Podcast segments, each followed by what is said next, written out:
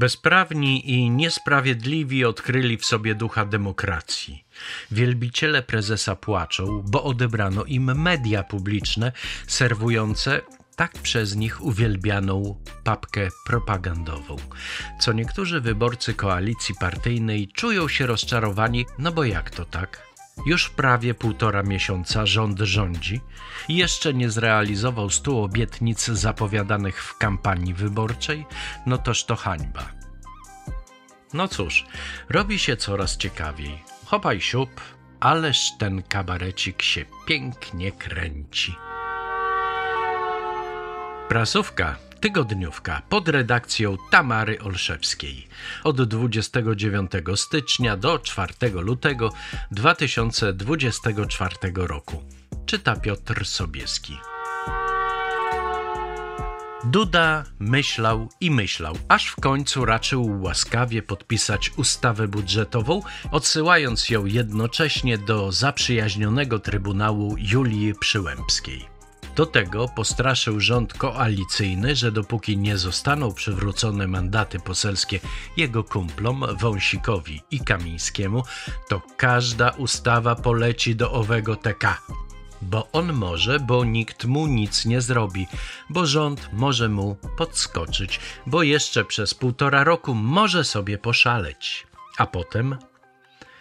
Potem będzie Duda cienko śpiewał, gdy zajmie się nim Trybunał Stanu. Oj, cieniutko.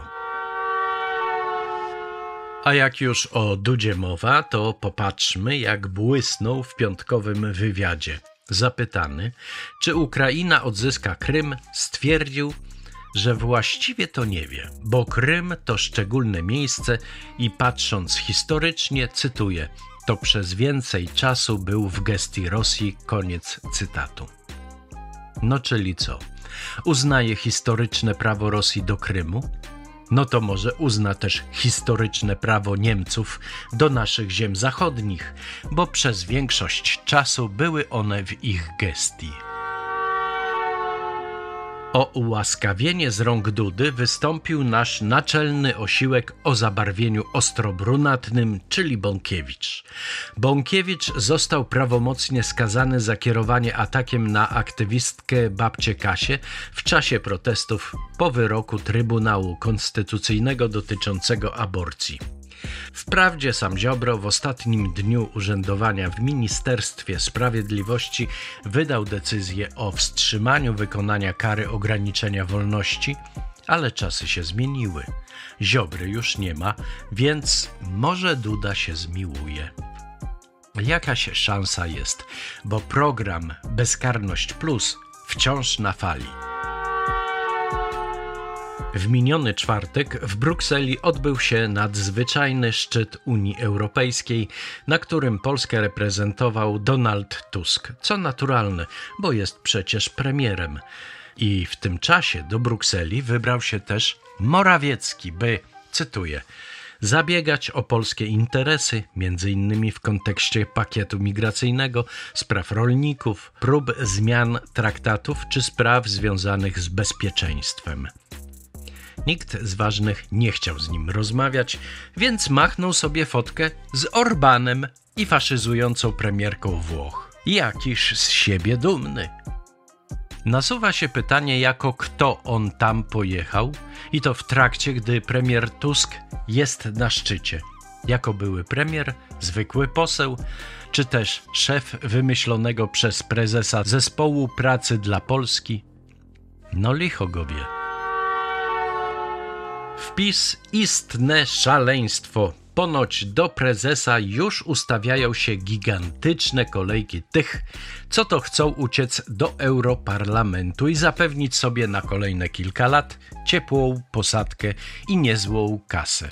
Mówi się o kilkudziesięciu chętnych, a pośród nich m.in. Suski, Sasin, Kuchciński, Wąsik i Kamiński. Ponoć uczą się już na gwałt języków i szukają mieszkań w Brukseli. Szykuje się więc ostra bitwa, bo obecni europosłowie nie poddadzą się bez walki i będą też jak lwy walczyli o miejsca na listach. No to się będzie działo. Skończyła się cierpliwość 37 sędziów Sądu Najwyższego, którzy, nie mogąc doczekać się zwołania Zgromadzenia Ogólnego Sędziów Sądu Najwyższego, wystosowali apel do prezesów Sądu Najwyższego, prezydenta, marszałka Sejmu i ministra sprawiedliwości, a w nim wezwanie, by osoby pełniące funkcję pierwszego prezesa i prezesów kierujących pracami Izby Cywilnej, Karnej oraz Kontroli Nadzwyczajnej raczyły ustąpić z zajmowanych stanowisk. Jak mam być szczera, wątpię, by neosędziowie ustąpili dobrowolnie, bo oni są wręcz przyspawani do swoich krzeseł.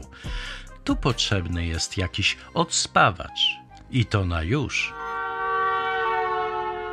Jak to wiara łagodzi obyczaje. Kilkudziesięciu przedstawicieli Sejmu i Senatu z różnych kół i klubów parlamentarnych wybrało się na pielgrzymkę do Częstochowy by wspólnie pomodlić się za ojczyznę i parlament. Zgodnie wzięli udział we mszy, w której dużo było o miłości bliźniego, miłosierdziu, prawdzie, fundamentalnych prawach i godności każdego człowieka. Na zakończenie politycy przekazali sobie znak pokoju.